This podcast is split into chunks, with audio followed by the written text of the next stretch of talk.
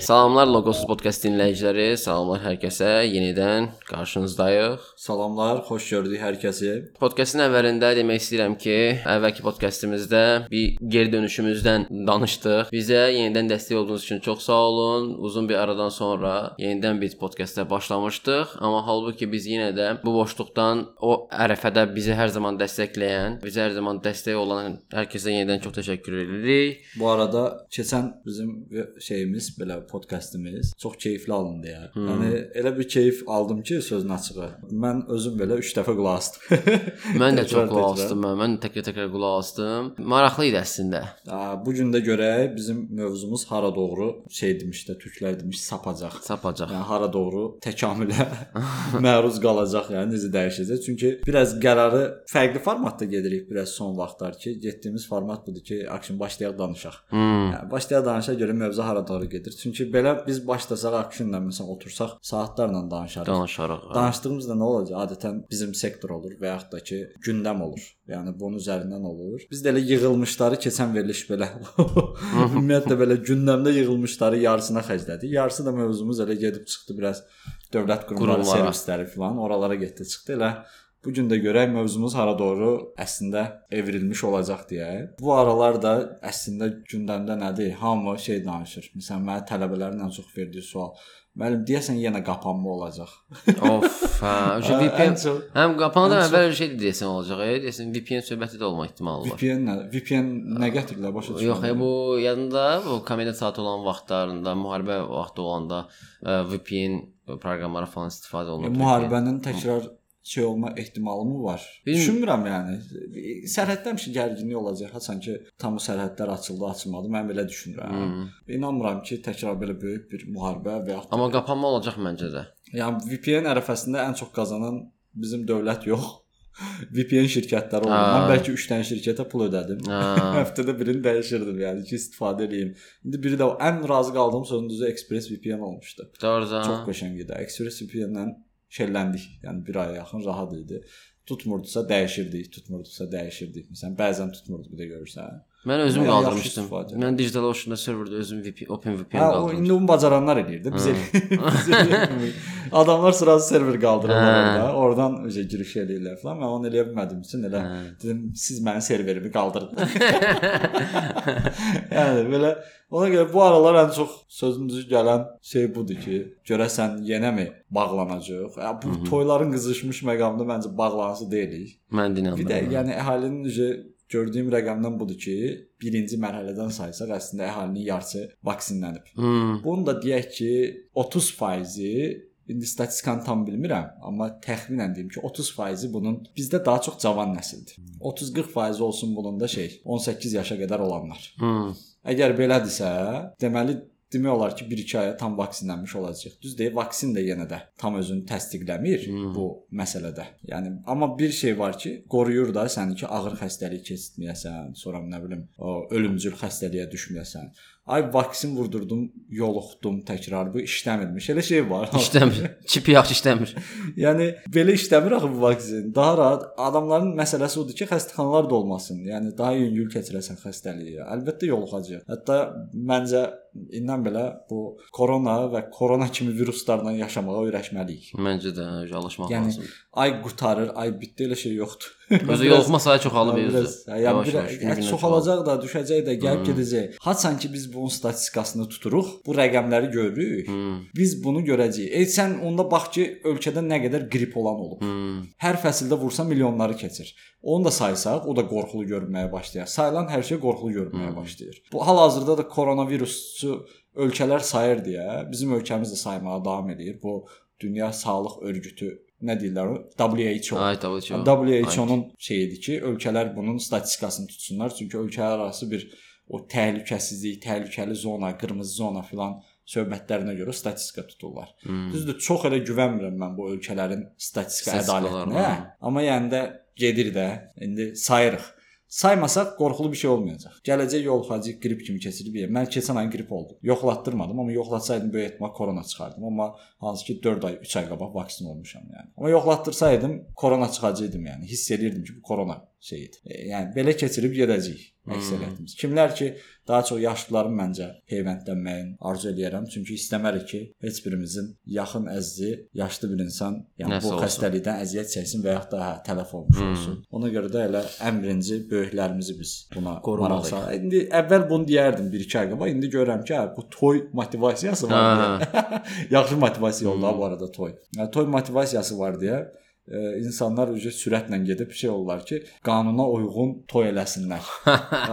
onda daha rahat keçirirlər. Yoxsa yoxlama olar və yaxud da cərimə olar filan bir sürü şeylər var. Ona görə də insanlar vaxtı-vaxtına gedib peyvəndin olsalar, idmanını da eləyər və yaxud da məsələn şeydə çox xoşuma gəldi. Bax bu bunu mən Z Club-da gördüm. Digər zallarda da bu söhbətdir deyəsən. Hmm. Və eventdə sənsə içəridə maskanı taxmasan da olar. Sistemdir ha. bu. Yəni Amma onsuz da peyvəndsiz icazə verirlər ki, ictimai salona, maskalı icazə verirlər. Yəni də o ortam superdir. Ha, Peyvəndlə adam sayısı da azdır. Hə, peyvəndlə access verir, buraxır səni içəri. Buraxandan sonra da maska taxmırsan, bir belə bir məsuliyyətin yoxdur. Yəni. O demək deyəndə deyirəm ki, bizdə xəstəlik aramızda gəzmir. Gəzir əlbəttə, amma daha yüngül keçirəcək. İndi bunun çox elə bura şey eləmək istəmirəm. E. Məsələ bilsən nədir? Məsələn, mən belə bir sual ortaya çıxır. Biz pandemiya davam eləyəcək deyirik və yaxud da növbəti xəstələr xəstəliklərin yaranma şeyi artıq artıb da belə gözləntilər falan. Çünki dünya bunu yenə də deyirəm statistikasını tutur və milyon dənə də hoqqa veririk. Təbiətin belə desək pis çıxmasın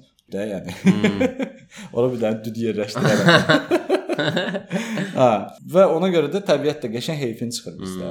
Buna biz bununla mübarizə aparmalıyıq yoxsa adaptasiya mı olmalıyıq? Bax bu maraqlı bir şeydir. Məsələn, Akşinin fikri burada mənə maraqlıdır. Məncə mübarizə aparmaq lazımdır. Adaptasiya olmağa təbii ki, geri atdım deməkdir əslində. Məncə mübarizə aparmaq lazımdır. Yəni indi təbii ki, indi burada sosial mesaj verməyim düzgün olmaz. Təbiəti qoruyaq demək məsələn üçün o dəfələrlə insanlar illərlə bunu eləməyə çalışıb, amma ki bunu deyəndə aklıma bir sənə gəldi. O sırağı gün Türkiyədə bir dənə adam velosiped turnuvasındakı götürüb yığışdırmayacağam amma. Deməli necə olub? Sən danış yəni bizlə. Ə, deməli avqustun 8-i Türkiyədə hər hansı bir şəhərdə, ə, adı yadıma gəlmir güldüm hə, hansı şəhərdə bir dənə velosiped turnuvası olacaq. Hər hansı bir turnuva olacaq və o möhlət boyunca da, yəni bu hazırdakı tarixdən avqustun 8-nə qədər də qatılanlar üçün də ə, həmin o meşəlik ərazidə olduğu üçün itməsinlər deyə onlara bir lentlə bir yol çəkiblər deyək ki. Sonra adamın biri götürüb onların hamısını yığışdırıb və Twitterdə paylaşıb ki, film adı yadımdan çıxdı. Nə, nə bisiklet idi, nəsə belə bir şey, nəsə bisiklet idi. Onu etiketləyib ki, nə bilim nə bisikletin ə, buraxdığı pislikləri temizliyoruz falan duaya nə bilim destek oluyoruz da belə belə. Sonra hamısı yazıb ki, Yarış hələ başlamayıb. yarış hələ başlamamışdı. İndi sonra bir sənə o kanka nə qədər Azıblar, uzandı. Azıblar, hə, azıblar. Bütün bisiklet turnuvasına qatılanlar çoxsa azıb. Deyir kaybolmaması üçün koymuştuk oraya. Bunlar da hamısı azıb. yəni bu var elə. Hə. Təbiət şüvənləri. Hə, təbiət şüvənləri, ay sağ ol, təbiət şüvənləri. Ya okey, mən də təbiətin istənilən halda ən güclü təbiətdir. Yəni, Dənizləri pis kimi qoyurlar ya. Son məsəl üçün Azərbaycanda dəniz deyəndə ki, bizim bu Xəzər dənizini məsəl üçün mən inanırsan sırf ona görə, yəni mən nə vaxt məsəl üçün elə şeylərdən nifrət etmək istəyəndə dənizə gedirəm şəxsən. Çünki görürəm ki, yəni necə gəldi, nətər gəldi, elə qoyub gedirlər də. Yəni heç bir şəkildə təmizliyə falan riayət eləmirlər. o bunu bizim insanların öz şəxsi həyatında və şeydə də, iş Hə. həyatında da bunu görə bilərik əslində. Eyni yanaşmadır. Düşdü sərinə tükət. Hmm. Hətta bunun bizim millətdə ən çox şeyini görürəm. Yəni o hər şey pul üzərinə qurulanda Hmm. və məqsəd, hədəf pul olanda axırda olacağı budur. Hmm. Yəni sən səndən sonrakını düşünmürsən və yaxud da bu pul indi var, sabah olmaya biləri düşünmürsən. İstənilən halda sən gedirsən, nə edirsən? Kefin belə istəyir, pulun var. Hmm. Sən bunu insanlığa faydalı bir şeyə xərcləyəcək və gedirsən dənizə həbs eləyirsən. Hmm. Üstünə də dəmir bir dənə darvaza qoyursan ki, insanlar bura düşməsin. Xeyr. Hmm. Sənin ulu babandan qalıb bu dəniz sənə. Kimdən qalıb qardaş? Dənizin, yəni nə aidiyyəti var? Sən niyə xeyir ola dənizi bağlayırsan? Bu məsələn bunlar olur və yaxud da ki, hansısa şirkətlər olur, böyük şirkətlər ki, istənilən halda öz məsuliyyətini belə bağlamaq üçün, xərcə girməmək üçün götürürlər istənilən halda çirkləndirirlər dənizi. Bu dünyada da bunun örnəyi var, amma sabah o dəniz olmayanda görüm nə edirsən. Hmm. Bax orada sabahı düşünməyərək əslində biz yaşayırıq daha çox. Bu daha çox da pul qazanan və pullu bu yatırım edən insanlarda olur daha çox. Bizim indi bu kasıb təbəqə daha çox sabahını düşünərək yaşayır. Yəni onlar ayrıdır. Amma onların da yenə problemləri var. Onu da başqa bir mövzuda izah edərik. Mən ağlıma gələn nədir indi burdakı? Məsələn, biz bunun üzərində bir müzakirə eləyə bilərik ki, tutaq ki, bu pandemiya davam eləsə, daha da fərqli dalğalar gəlmə ehtimalı var. Bitməyib çünki bu mutasiya olub heç vaksin də heç heçə saya bilər. Çünki hər dəfə təzə bir ştam çıxır və başlayır hamı qorxmağa, bir həftə ondan danışırıq, sonra görürlər ki, ha vaksin bunun qabağını alır, vəsə gündəmdən çıxır gedir. 80 dənə ştam çıxıb indi. Sonra yeni yeni ştam Ha çıxır, belə bax, yeni ştam. çıxır, yenə qorxuzurlar. Ay bu ştam Azərbaycanda tapıldı filan. 2-3 gün danışırlar, sonra keçir gedir. Çünki vaksin buna dözümlülüyü təsdiqlənib deyə keçir gedir ki, ha qorxmağa bir şey yoxdur. İndi eyni dərəcədə bu gələcəkdə bizi belə bir qorxular gözləyir. Tamam.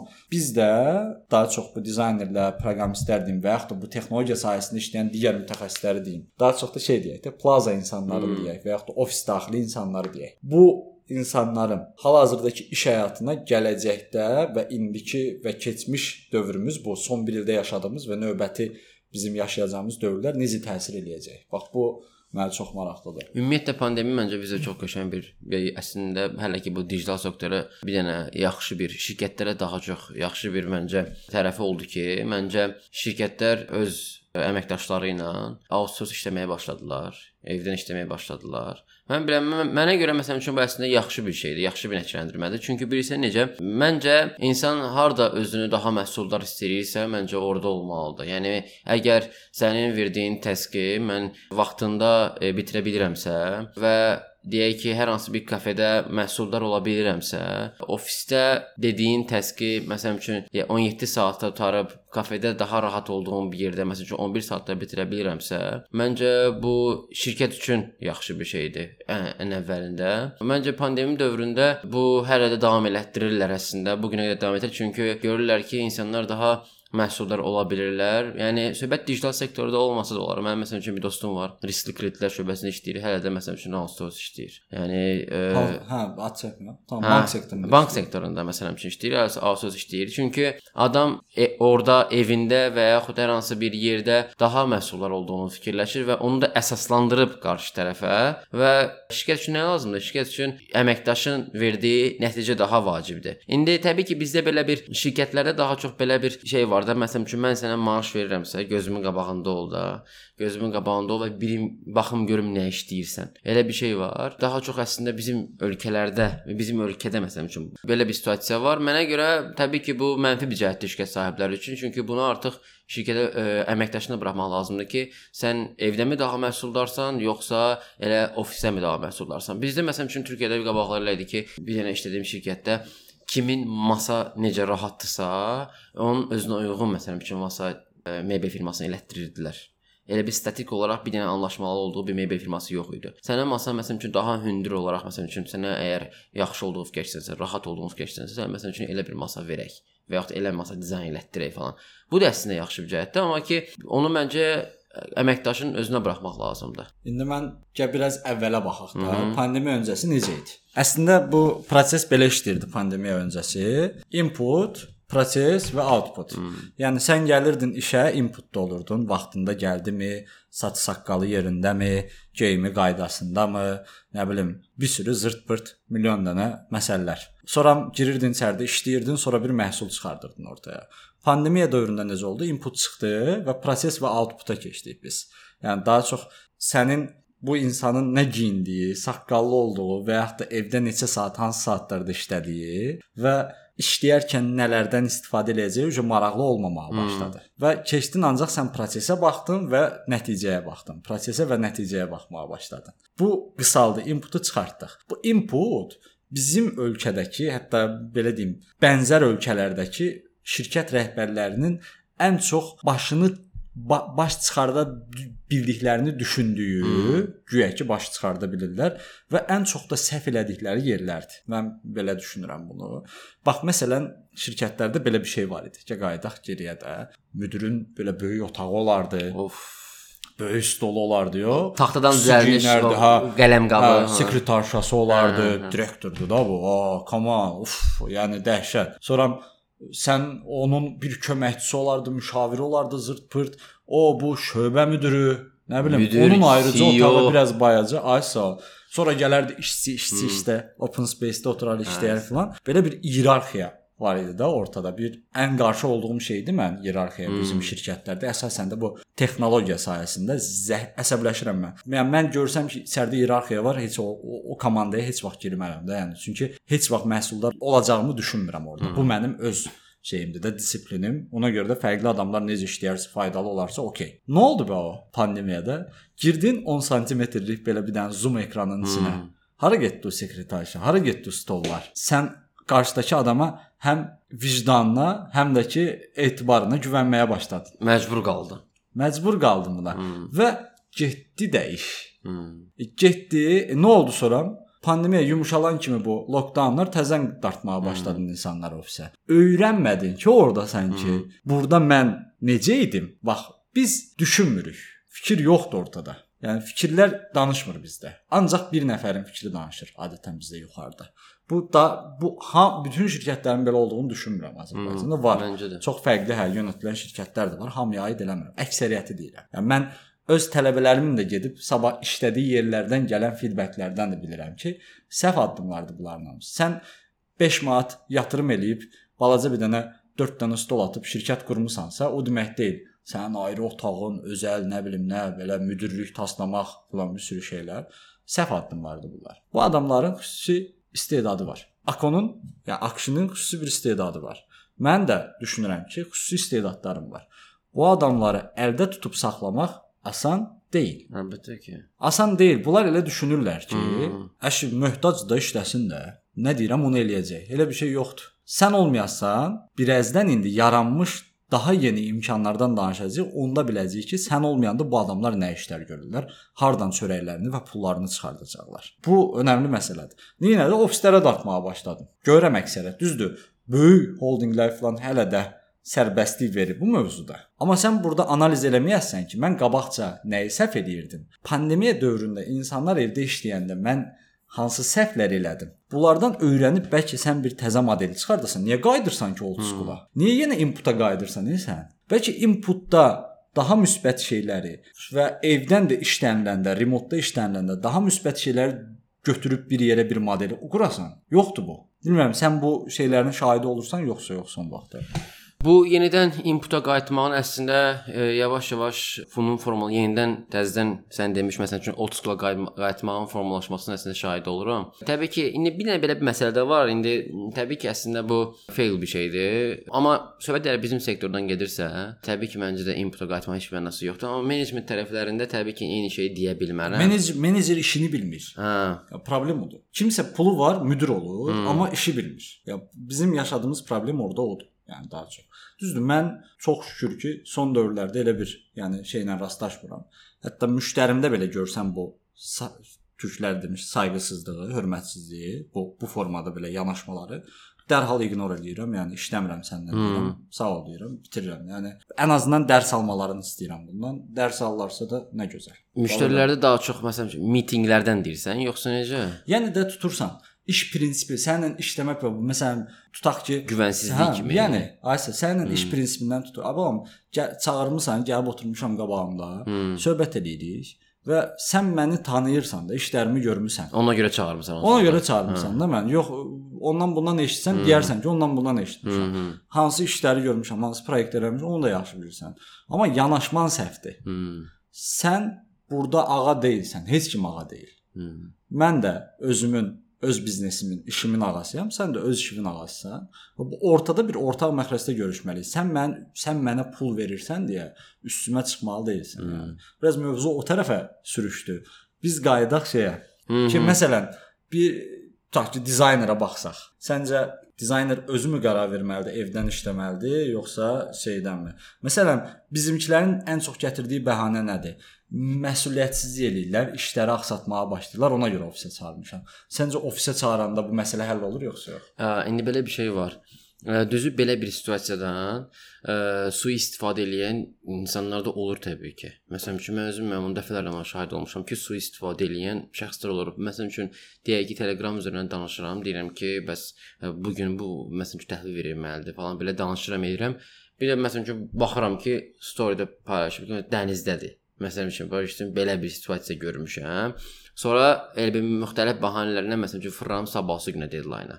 Bu indi belə bir şey də olur ki, o həmin ki əməkdaşın məsuliyyətsizliyindən bu ola bilər. Yəni məsuliyyət məsuliyyətsizliyindən məsələn üçün qane ola bilər. Təbii ki, o dediyimiz kimi necə ki şirkət sahibi əməkdaşın öz vicdanına və etibarlı məcburi şəkildə etibar eləməyə başladı ha. Bu da onun kimi bir şeydir. Amma ki Məncə outsource işləmək lazımdırmı, lazım deyilmi? Onun ə, dizayner və ya hər hansı bir əməkdaş qərar verməməlidir. Amma ki, şirkət bunu mütləq soruşmalıdır.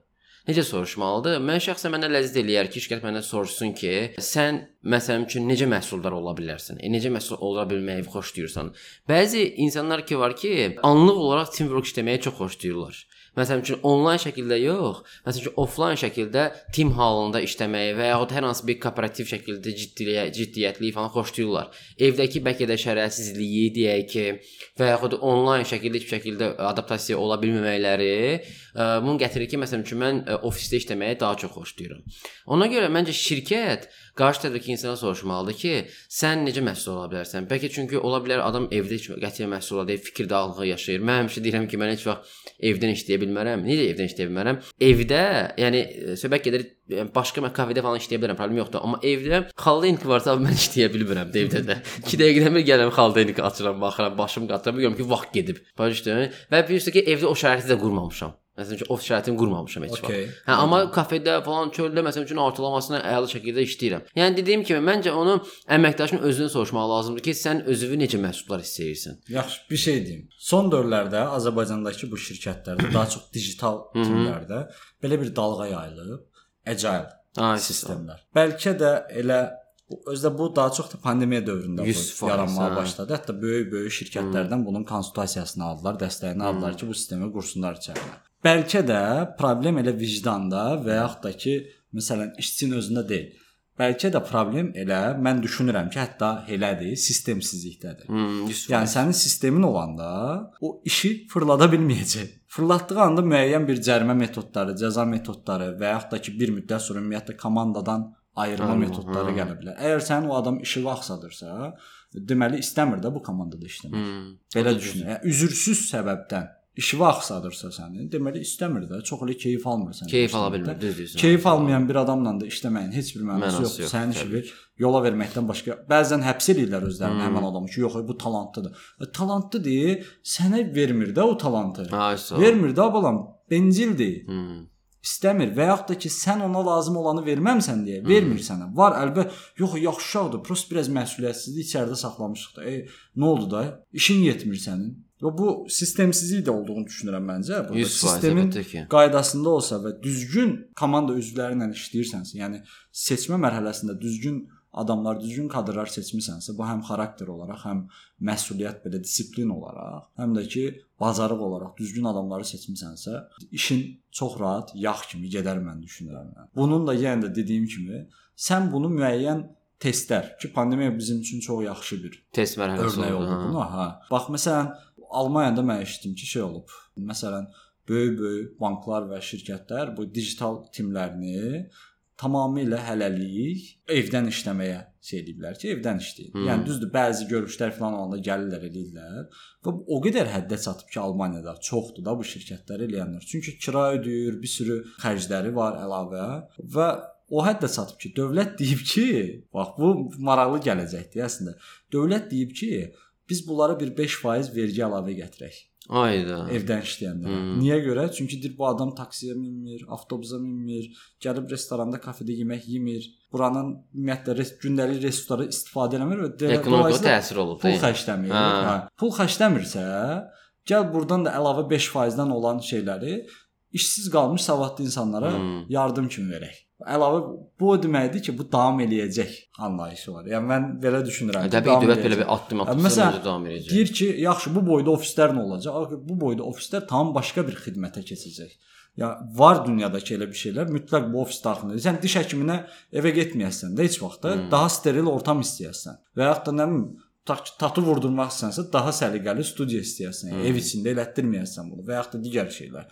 Əməliyyata girərsənsə evdə girməyəsən hmm. də bu əməliyyat. Yəni bu ofislər tamam başqa məqsədə evrilə bilər, dəyişə bilər. Market sən gedib heç kimin evindən heç nə almayasan da, bunun ayrıca ya yeri olacaq ya da sənin evə gələcək. Ya bu şeylər var. O demək deyil də, bu ofis varsa, bu ofisə qayıtmalıyıq biz. Bura xərc tökürük və yaxud da şey veririk. Mən işlədiyim binada, indi hal-hazırda Kod Akademinin olduğu binada bomboş boşaldı. Yəni nə idi orada? Təhsil idi, hmm. daha çox. Düzdür, indi təzədən yavaş-yavaş bərpa olur.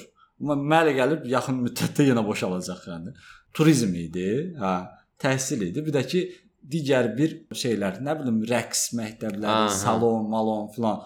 Hansılar ki böyük, daha böyüklərdir. Onlar qalmağı bacardılar bir şəkildə. Yəni necəsə davam elədilər. Böyük balaca ofislər hamısı bağlandı. Hmm. Çıxdılar yəni. Mən məsələn axır vaxtlar hiss elədim ki, indi bu mövzunu istəyirəm sən öz yorumunu gətirəsən. Axır vaxtlar ətrafdakı dostlardan ki, çox belə deyim ki, sizə çox talantlı uşaqlardır bunlar. Yəni Azərbaycanda öz sözünü demiş, həm bu kodinq sahəsində ola bilər, IT sahəsində ola bilər, dizayn sahəsində ola bilər və s. Axır vaxtlar Azərbaycanda belə bir dalğa başlayıb. Remota keçirlər və xarici şirkətlərdən. Of. Qəşəng. Bax bu bu başlayıb yəni və bu hara doğru gedəcək bir buna baxaq. İndi bax gəl belə bir şey deyim də. Pandemiyadan sonra, pandemiyadan əvvəl deyəndə, e, pandemiyadan əvvəl belə bir situasiya olanda freelance işə və ümumiyyətlə yəni ümumiyyətlə remote işə yəni, həddindən çox güclü bir güvənsizlik var idi həddindən artıq. Belə deyim də sənə. Remote iş tapmaq çox çətin idi. Həddindən çətin idi. Məsələn üçün deyirsən ki, bir şirkət full time bir iş axtarır, işçi axtarır, deyək ki, bir developer axtarır. Soruşursan ki, məsələn üçün indi mən hazırda nə bilim Ukraynada bir firmadır deyək ki, Azərbaycandasan sən də. Deyirsən ki, mən hazırda Azərbaycandayam da. Yəni remote alınar. Və deyir ki, məsələn üçün alınmaz da, remote biz çox yoxlamışıq falan, alınmaz.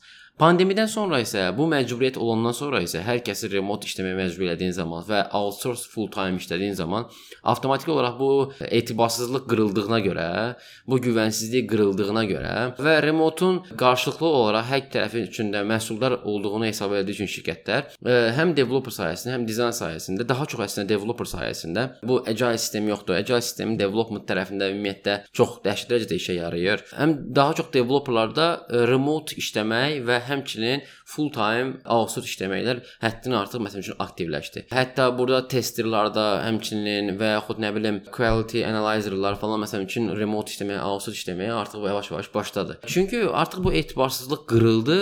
İndi isə məsəl üçün mən baxıram da daha çox böyük firmalar və heç bir şəkildə bu e, etibarsızlıq deyək ki, amatörlüyünü eləməyən şirkətlər, şirkətlər artıq daha çox outsource işləməyə başlayır. Çünki belə deyim də, Ukraynada bir firma öz ölkəsində, indi düzü biraz Hindistandan kimi fikirləşməyə başlayacağam, amma öz ölkəsindəki developerların büdcəsini ödəyə bilmədiyi üçün daha fərqli ölkələrdə remote işləyə biləcək, amma potensialı olan developerlarla işləməyə özən göstərir. Və mənim neçə dənə dostum var ki, məsələn üçün adam Danimarkada bir onlayn banking sistemidir, bank sistemidir, amma ki işlədiyi adam Azərbaycanlıdır. Çünki ona həm sərf eləyir, həm yaxşı bir portfoliosu var, güvən güvənverici bir portfoliosu var. Ona güvənir və outsource işləmək ona heç bir şəkildə ona fikirləşir ki, heç bir şəkildə faydasız olmaz, əksinə faydalı olar. Və onlayn banking sistemi olmasına baxmayaraq və 27 dənə ölkə ilə işləyir bu onlayn banking sistemi, baxmayaraq, yəni adamlarda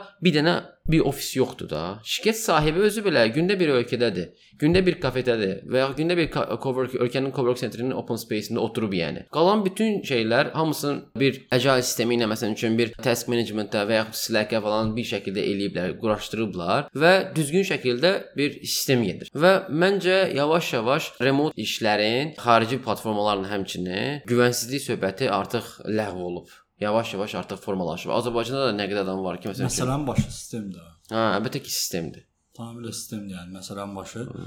Yəni qulaq asıram. Eyni şeyləri də mən də bu eksperiensləri yaşayıram, görürəm yəni ətrafdan. Sistemdir məsələ.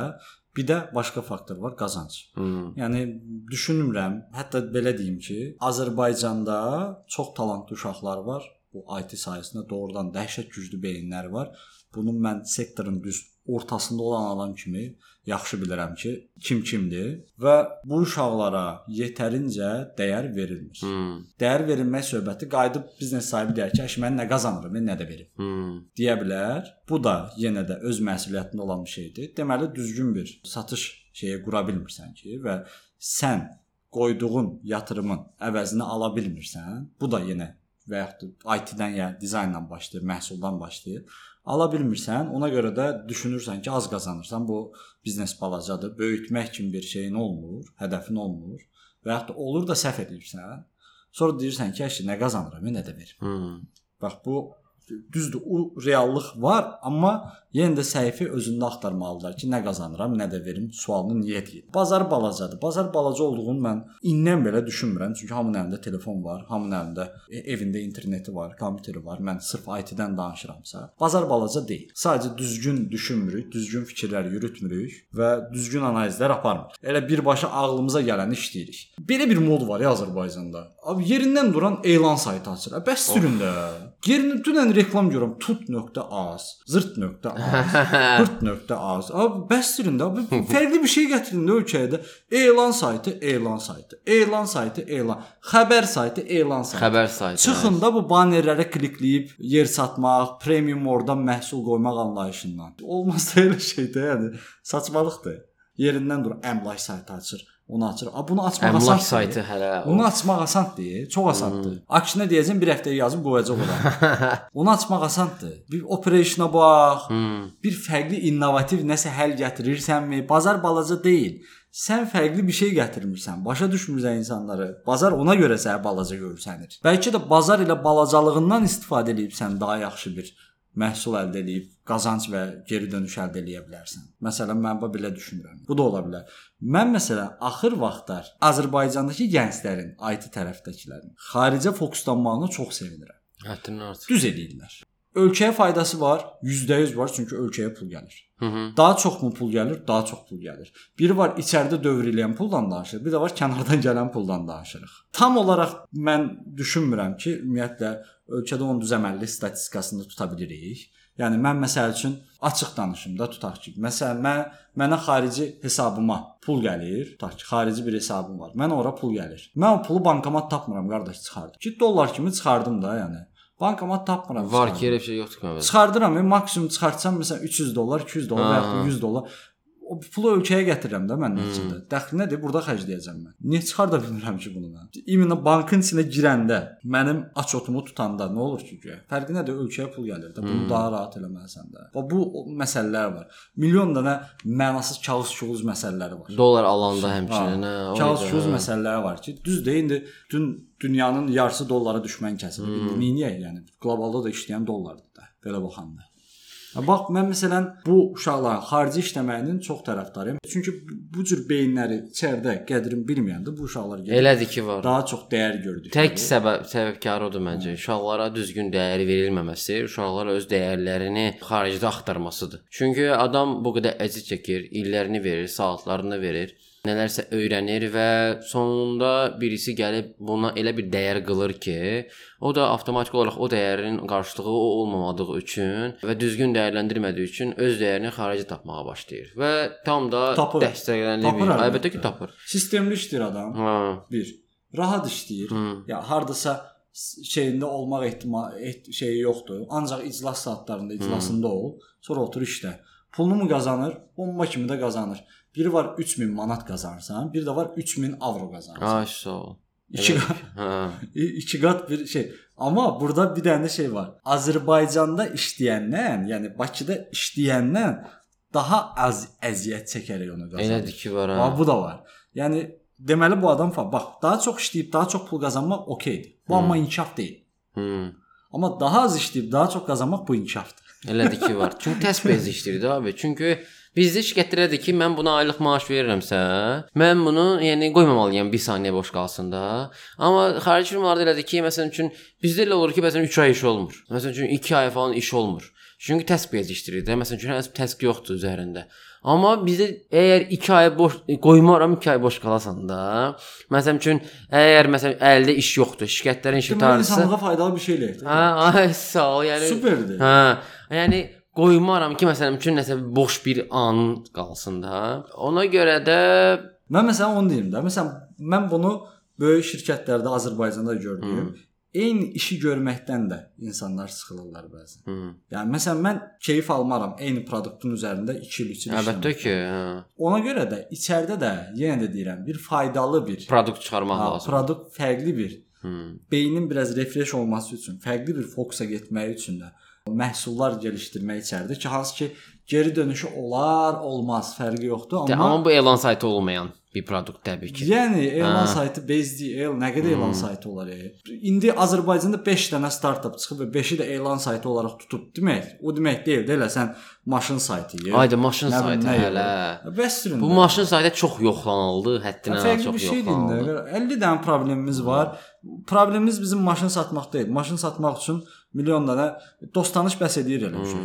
Yaxşı maşın WhatsApp qrupları, WhatsApp qrupları bəs edir. Səhv yoldasınız. Səhv yoldasınız. mən, mən mən bunu belə burdan deyim. Bax, məsəl yaponların qəşəng bir dənə sözü var. Onu bir kitabda oxumuşdum. Daşın sana gəlsən.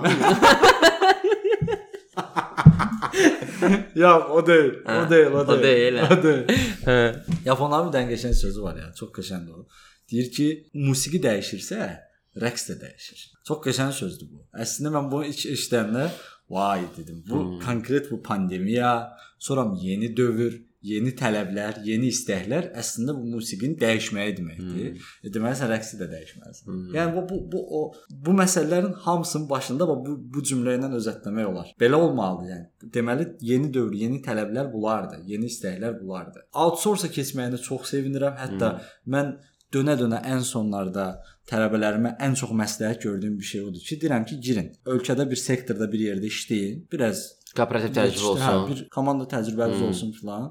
İnkişaf eləmək istəyirsə xaricə çıxın. Hmm. Yəni getməyin xaricə. Oturun burdan işlə. Hətta mən getməyin də tərəfdarı hmm. deyiləm. Bax, mən bu ölkədə qalacağam. İndi düzdür, həyat indi bilmirik hara doğru gətirər. Yəni bu gün pandemiya çıxır, sabah nə bilim başqa bir şey çıxa bilər. Bilmirsən də indi sabahı bilmək olmur çox.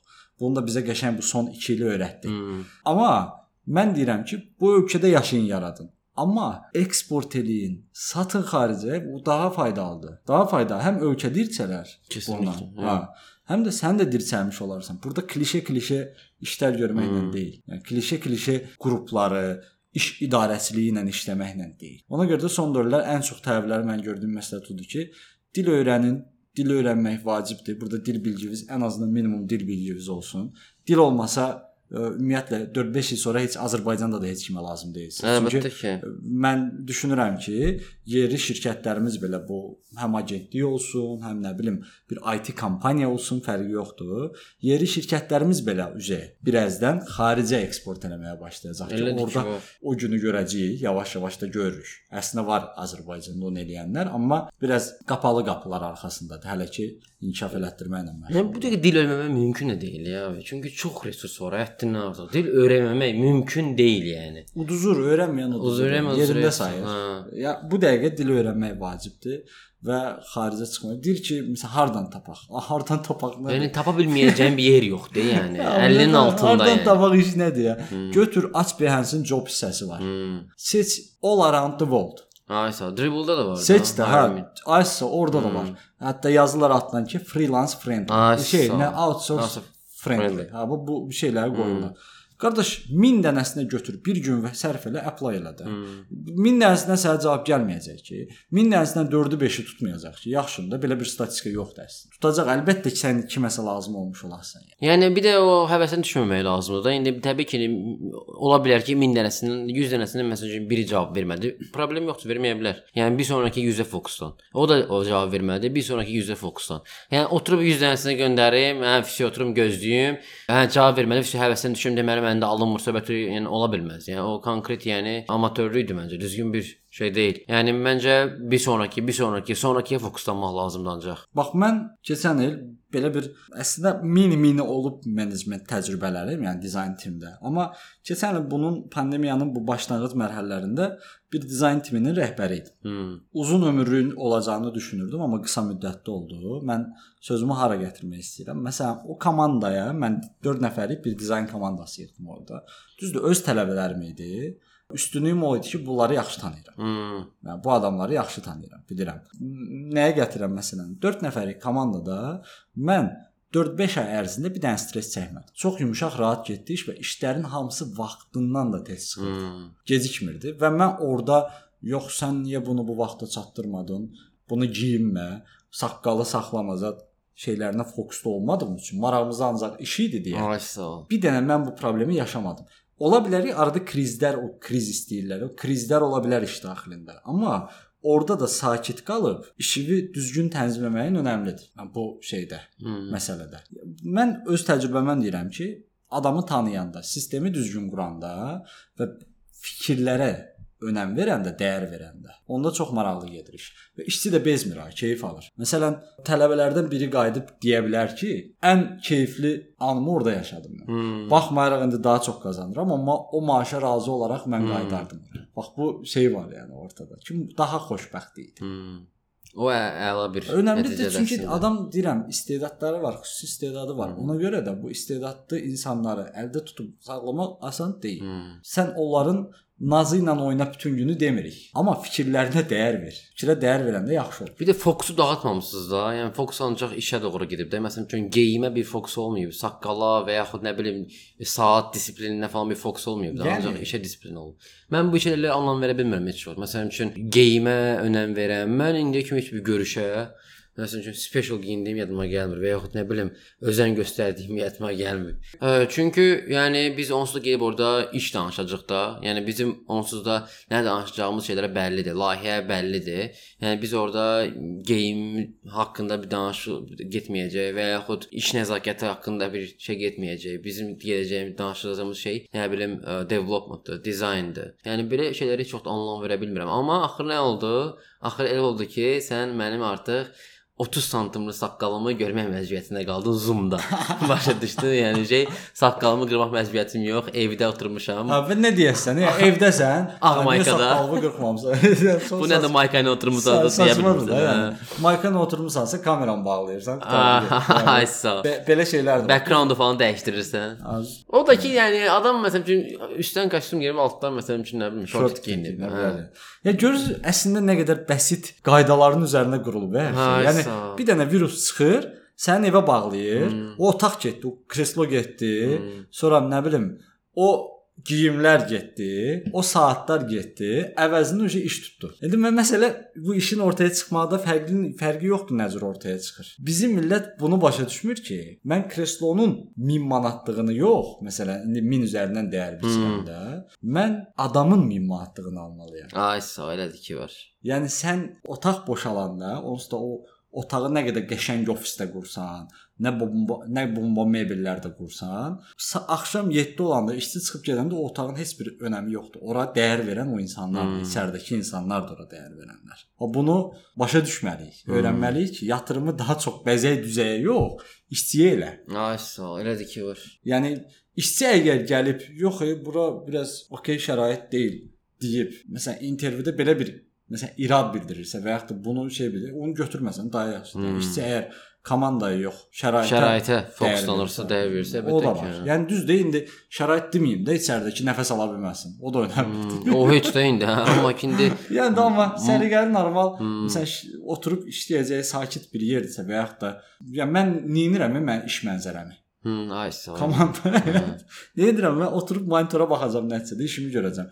Çıxanda bir market tapa bileyim və yaxud da çıxıb bir kafeteriyada oturub bir abedimə eləyə bileyim və yaxud da qayıdıb tutaq ki, daha belə sadə, rahat, fərah bir havası olan otaqda oturub işləyə bilim, heç bir fərqi yoxdur yəni. Nəticədə mən laptopa baxıram, Hə, yəni. yəni. kompüterə baxıram, qutardı getdi yəni. Hmm. Ona görə gətirdiyim nöqtə budur ki, bu dövr məncə çox şey dəyişdi bizə. Böyük bir Bəlkə- dərs oldu məncə. Hə, çox şeydə məncə dərs oldu və olmalıdır. Olmalıdır. Olmayanlar da var. Hmm. Hə. Bu dövr, yəni bu işçi tərəfə bəzi analizləri eləməlidirlər məncə, götür-qoy eləməlidirlər. Hər iki tərəfə məncə yaxşı dərs oldu. Hə. Həm işçi əməkdaşa, həm də şirkət sahibinə. Abi işçi şey deyir, deyir ki, mən şeydən keyif almıram. Məsələn, ofisdə olmaq istəyirəm mən. İşçilər üçün darıxıram. Söhbət onda getmir. Əlbəttə gəl ofisə get. Git arada bir Söhbət çöldə onda getmir. görüş. Amma evdən işləmək istəyirsənsə bunu, bunu San Fransiskodakı böyük korporasiyalar mən bu YouTube-da zətdə oturub onların çıxışlarına baxanda gördüyüm bunu pandemiyadan qabaq da edirdilər ki, məsələn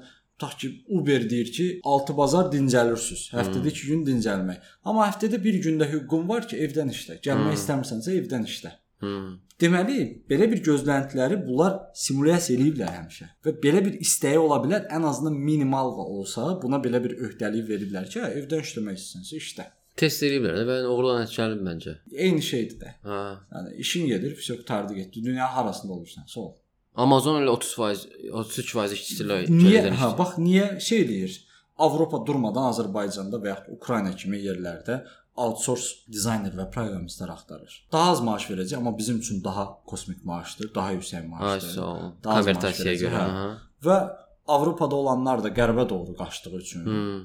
orada tapa bilmədiyi üçün və görür ki, bu adama bu daha az maaşı verirəm ki, onun üçün yaxşı maaş sayılır və belə pis çıxmasın eşşək kimi də işləyir. Hmm. İşləyirsə mən bununla niyə işləməyim? Elə gedim Avropalının nazı ilə oynayım. Hmm. Da daha qazanclı çıxır, daha da effektiv çıxmış olur yəni. Buna görə də dəstək verirəm outsource işləyənlərə mən burdan. Outsource işləyin, bol-bol eksport eləyin. 100%. Ha, eksport eləmək lazımdır. Həm bunu aktiv gəlirdə sayaram, həm də bunu passiv gəlirdə sayaram ki, mütləq eksport eləmək lazımdır. Xaricə çıxanda mən hətta bunu deyirəm sonda ki, xaricə çıxarırsansa işini daha çox qazanarsan. Amma ölkə daxilində qalacaqsa bir yerə qədərdir.